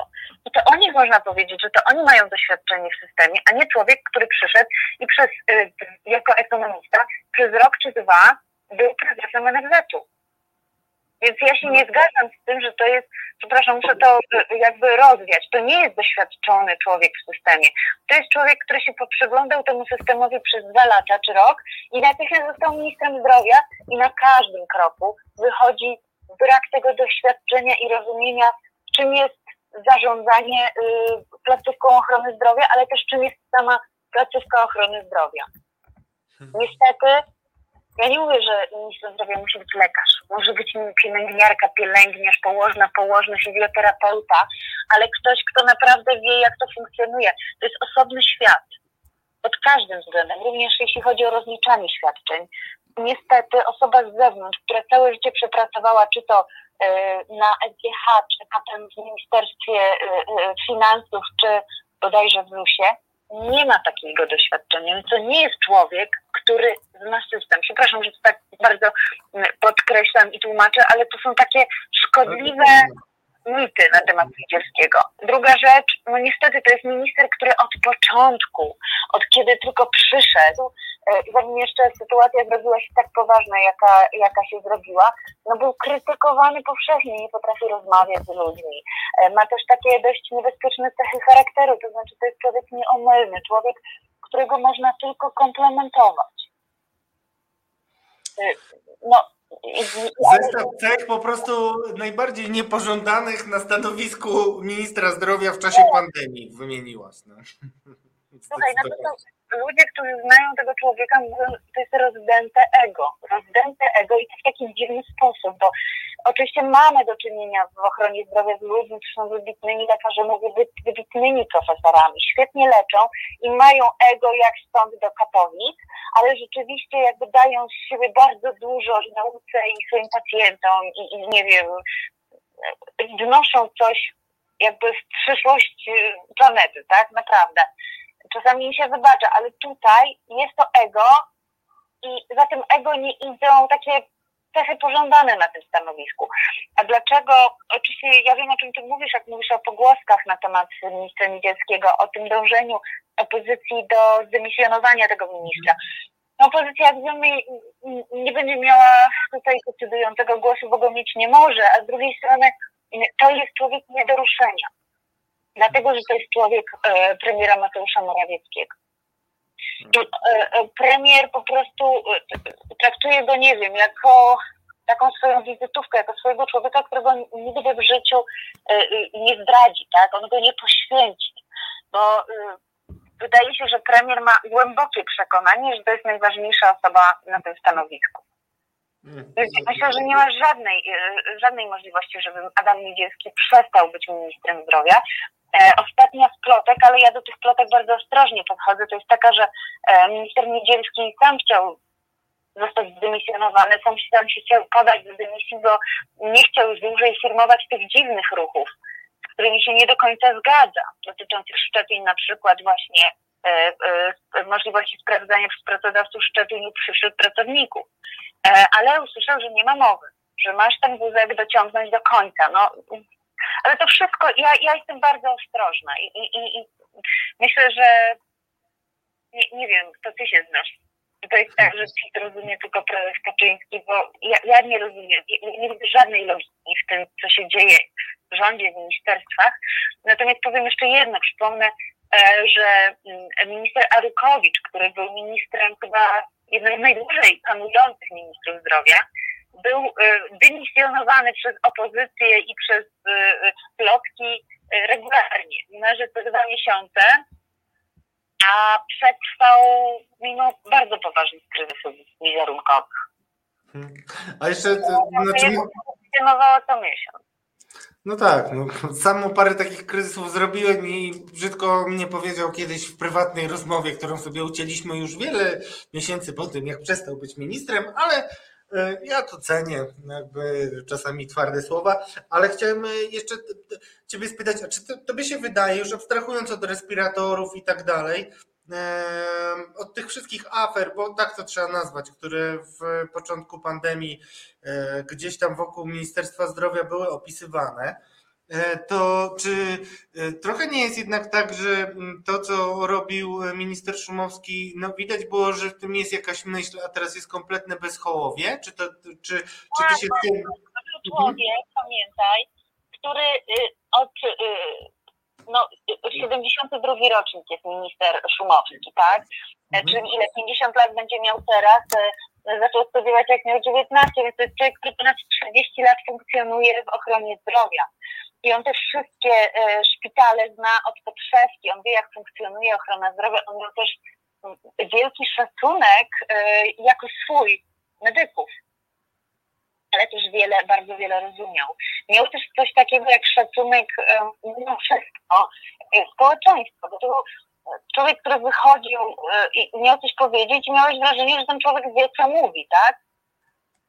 No tak. Być może No było to wieloletnie doświadczenie, nie wiem, ordynatora oddziału, e, kardiologa, który wykonuje em, mm, operacje, ale to był człowiek, który miał niezwykłą wiedzę, to był facet, który miał dwie specjalizacje z interny i z kardiologii. I naprawdę wiele, wiele, wiele nocy, dni spędził e, po prostu doglądając swoich pacjentów, e, wykonując u nich zabiegi, który też zarządzał, tak, personelem medycznym a jednocześnie potrafił z tymi ludźmi rozmawiać. I on jak przemawiał na temat koronawirusa, i w ogóle przemawiał do społeczeństwa, tak powiem, to miało się wrażenie, że to jest ktoś, kto wie, co mówi. Że to jest mój doktor i wiesz, o co mi chodzi. To jest Tak, mój tak. doktor i on mi powie teraz, o co z tym wszystkim chodzi, co mamy robić. Miał autorytet, niekwestionowany. Miał też taki jego się przyjemnie słuchało mimo wszystko, ab- abstrahując od tych wszystkich afer. Poza tym już tak z czysto dziennikarskiego punktu widzenia, jak minister Szumowski został ministrem, to to, to mm, ministerstwo natychmiast się otworzyło na wszystkich, na mm, rezydentów, na dziennikarzy, również śmiem twierdzić na opozycję. Mhm. A teraz to jest oblężona twierdza. No właśnie, to, a to, to, to są takie rzeczy, które są zupełnie e, nie, mm, dostrzegane przez opinię publiczną, a są szalenie istotne w takim codziennym funkcjonowaniu, szczególnie e, w sytuacji ekstremalnej, jaką jest pandemia. Ale chciałem jeszcze na koniec, e, bo, bo na koniec chciałem Cię też namówić do tego, żebyś się włączyła w dyskusję, którą ja prowadzę cały czas z moimi, e, z moimi, z naszymi resetariankami, resetarianami, słuchaczami podcastów, widzami, bo cały czas nie mogę, mm, bo jeśli dobrze Ciebie zrozumiałem, znaczy, bo e, no, minister Szumowski wiedział o czym mówi, to, to jest e, je- jedna sprawa, ale też z drugiej strony spotykam się z, takim, z takimi opiniami, że zobaczcie, ale jak było, nie wiem, zakażeń tam, nie, nie pamiętam ile dokładnie, no ale wiele razy mniej, tam 500 czy 700, to zamykaliśmy lasy, a teraz mamy gdzieś y, kilkanaście tysięcy, różnie to bywa, po, po 600-700 zgonów nawet i nikt niczego nie zamyka i to jest y, skutek tego, że jak zamykaliśmy wtedy, to y, znaczy trudno, to są konsekwencje m, m, tej nielogiczności, o której mówiliśmy. Czy to mi się nie wydaje jednak, że też powinniśmy gdzieś tam sobie zrobić jakiś reset w myśleniu o e, koronawirusie i powiedzieć, okej, no dwa lata temu, czy tam rok temu, kiedy wprowadzaliśmy takie i takie restrykcje, w związku z tym, że myśleliśmy, że pandemia będzie wyglądać tak i tak, dokonywaliśmy pewnych e, e, założeń, które upadły. Głupoty. No umówmy się, robiliśmy głupoty No i też tak. nie chcę usprawiedliwiać nikogo, dlatego że znowu to nie była pierwsza pandemia w historii. I są e, podręczniki i nawet był taki plan na pandemię. W razie pandemii to bodajże z 2010 roku, jeśli nie wcześniej, który leżał gdzieś tam w szufladach ministerstwa. I, i, i jest też taka duża nauka, y, która się nazywa medycyna pola walki oraz medycyna, y, cała specjalizacja y, nazywająca się choroby zakaźne. I lekarze, którzy są e, zakaźnikami, zdaje się, że to jest pięcioletnia specjalizacja, również przede wszystkim uczą się, jak postępować w razie pandemii. Oni są przygotowywani nie tylko do tego, żeby leczyć chorób zakaźnych ludzi na oddziałach, czy żeby rządzić oddziały y, y, y, izolatki w szpitalach, ale też do tego, jak globalnie postępować z pandemią. I gdyby się odpowiednio wcześnie zapytać tych ludzi, co dzisiaj mamy robić, a nie robić takie głupie rzeczy jak zamykanie lasów, to być może byśmy byli w innym punkcie. No właśnie. Na początku zarządzanie tą pandemią było złe, absolutnie złe. No właśnie, ale wiecie co teraz przyszedłem, no, mówię do ciebie Karolino i też mówię do naszych słuchaczy, bo y, tak urwałem trochę tę myśl. Chciałem ciebie zapytać, bo ja nie mogę tego zrozumieć. Nie wiem, może jestem misiem o małym rozumku, ale y, ja nie rozumiem, jak to jest możliwe, że w sytuacji, kiedy my mamy każdy z nas zna kogoś, kto y, zmarł, albo zna rodzinę, którą komuś, kto, kto, w której ktoś zmarł, ciężkie przebiegi.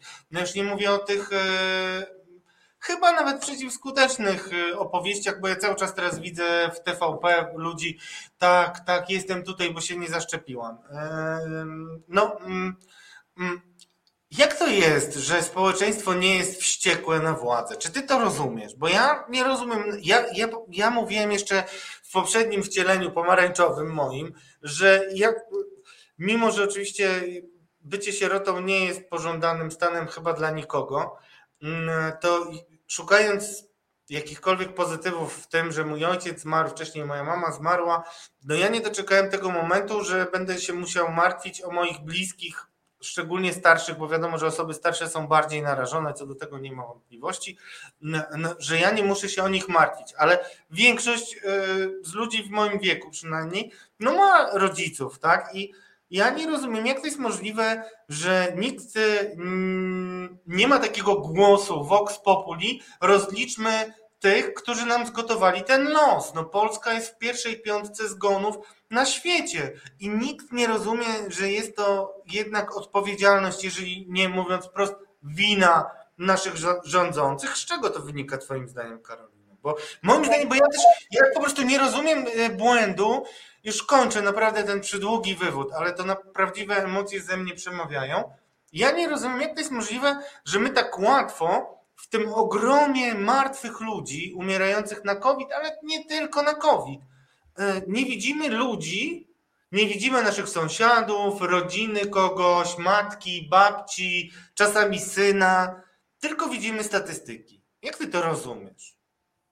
Wiesz, to ty, ja muszę to, to idę szerzej. Zauważę, że my mm, śmiem twierdzić, że my cały czas nie możemy uwierzyć, że PiS y, rządzi w taki sposób, w jaki rządzi. E, W pierwszym roku ich rządów, gdzie już pojawiały się zapowiedzi tego zamordyzmu, tego, tego absurdu, mówiliśmy sobie, nie, to niemożliwe. W drugim mówiliśmy, to jeszcze tylko trzy lata i zaraz będzie znowu e, demokratycznie, jak to niektórzy mówią. Ja mi się wydaje, że my jesteśmy w takim zaprze- mechanizmie zaprzeczenia. My po prostu nie możemy uwierzyć, że nasz rząd gotuje nam taki los właśnie. No tak. Dzieją się takie rzeczy. E, Pamiętasz, że wielu ludzi mówiło, że wyjedzie z kraju, tak? Jak PiS zacznie rządzić i robić to, co robi. A my nadal tu tkwimy, bo no, byłoby bardzo niewygodnym teraz zmieniać świat. Jednak mamy co jeść, jest nam ciepło. Oczywiście y, po kawałku się nam ucina paluszek i to już praktycznie tego paluszka już nie ma, ale my nadal wierzymy, że za chwilę będzie tak jak dawniej. Tak, a nie będzie. A będzie, twoim zdaniem?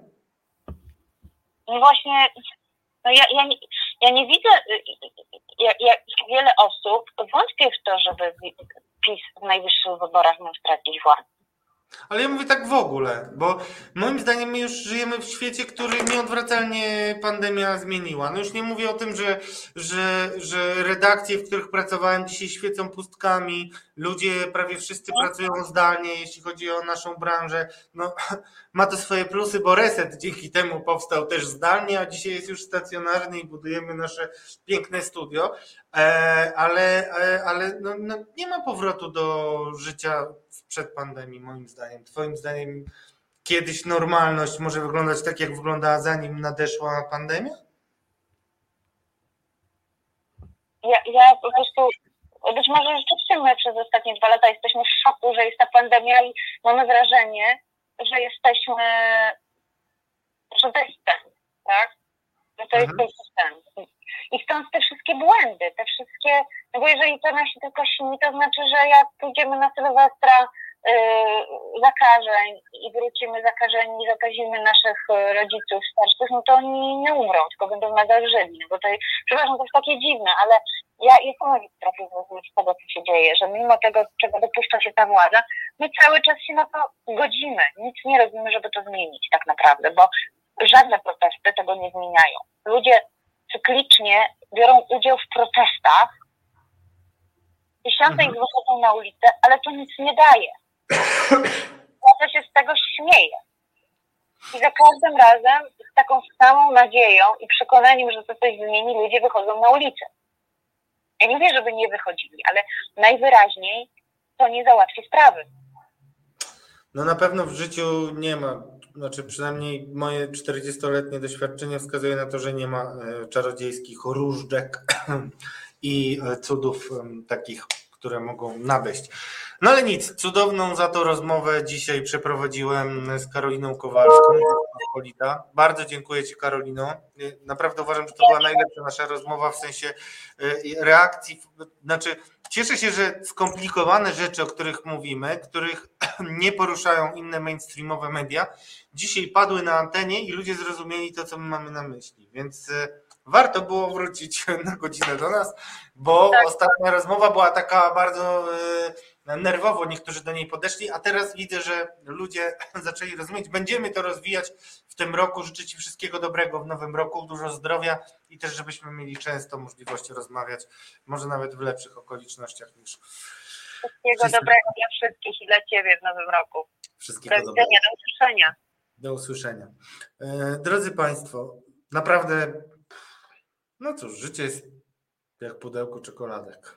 Nigdy nie wiesz, co się trafi. I dzisiaj trafiła się wyjątkowa rozmowa z Karoliną Kowalską. Bardzo się cieszę wszystkich, z wszystkich komentarzy. Poproszę Was jeszcze o kciuki, jakkolwiek. Ważne jest to, żebyście e, reagowali, że to nie jest coś, co tak płynie sobie i tak dalej. Także do góry, do góry albo do dołu. E, Jan Matejko może nawet do dołu, bez urazy, Panie Janie. Pięknie Pan maluje. E, I tak, drodzy Państwo, mm, no cóż, tak się stało, że mm, nie zdążę już opowiedzieć dzisiaj o tym, jak cudownie Jacek Kurski, prezes TVP, ozdrowiał. Yy, Ale zrobię tym program w następnym tygodniu i w następnym tygodniu będziemy też mieli okazję rozmawiać między innymi o Lex Czarnek i mam nadzieję, że uda mi się zaprosić mojego wymarzonego gościa do tej rozmowy, czyli Pawła Lęckiego, do którego wydzwaniam notorycznie i stało się to moim takim już natręctwem, że tak wydzwaniam, wydzwaniam, także drogi Pawle, odbierz ode mnie telefon. Za tydzień, bardzo e, bym marzył razem z wami, mam nadzieję wszystkimi, e, żeby Paweł Lęcki wystąpił u nas i skomentował to, co szykuje nam e, Lex Czarnek pan profesor Kulu, o którym to też wam polecę jeszcze na koniec tekst mojej koleżanki, który uważam, że jest bardzo zacny.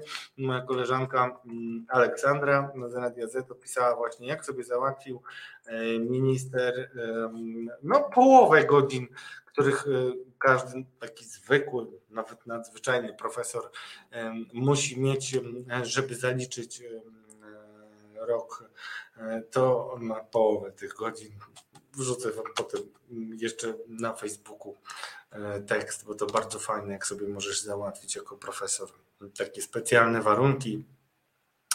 No cóż, profesorem się jest, ministrem się bywa. A resetarianinem i resetarianką jest się na całe życie. Drodzy Państwo, dziękuję Wam. Jesteście fantastycznym gronem. Dziękuję Wam, dziękuję Asiatorce, e, dziękuję za e, wszystkie Wasze komentarze. Mm, No i będę wracał do tej dyskusji mm, o antyszczepach. Jeszcze jedną rzecz na koniec Wam powiem. O, e, jeśli chodzi o antyszczepionkowców, bardzo mi się spodobał taki komentarz na forum, bo moim zdaniem on jest najbliższy prawdy o tym, że, że, że antyszczepionkowcy to są takim dobrym e, kozłem ofiarnym, ktoś napisał. Przepraszam, teraz nie mogę znaleźć, ale ja bym powiedział, że może nie kozłem ofiarnym, ale chłopcem do bicia, albo tą brzozą, na którą każda, każda koza e, może wskoczyć, to jak najbardziej. I jeszcze raz, drodzy Państwo, nie mówię tego po to, żeby bronić antyszczepionkowców z różnymi ich chorymi e, historiami i przekonaniami bardziej niż e, mm, przekonaniami, te przekonania z, ich wiarą al- albo niewiarą w naukę. Mm, Tylko mówię po to, żeby pokazać, że to jest bardzo wygodna sytuacja dla władzy, jeżeli mamy jakichś złych ludzi, których możemy obarczyć winą za wszystko. Tyle ode mnie, to było katarzis. Mam nadzieję, że zostawiam Was ze sporą dawką różnych wątpliwości i pytań, bo po to jest ten program i po to jest Reset Obywatelski. A my, drodzy Państwo, widzimy się jutro o godzinie 19 z Marcinem Celińskim w Bez Wyjścia, program o polexicie. Dobrej nocy, do zobaczenia.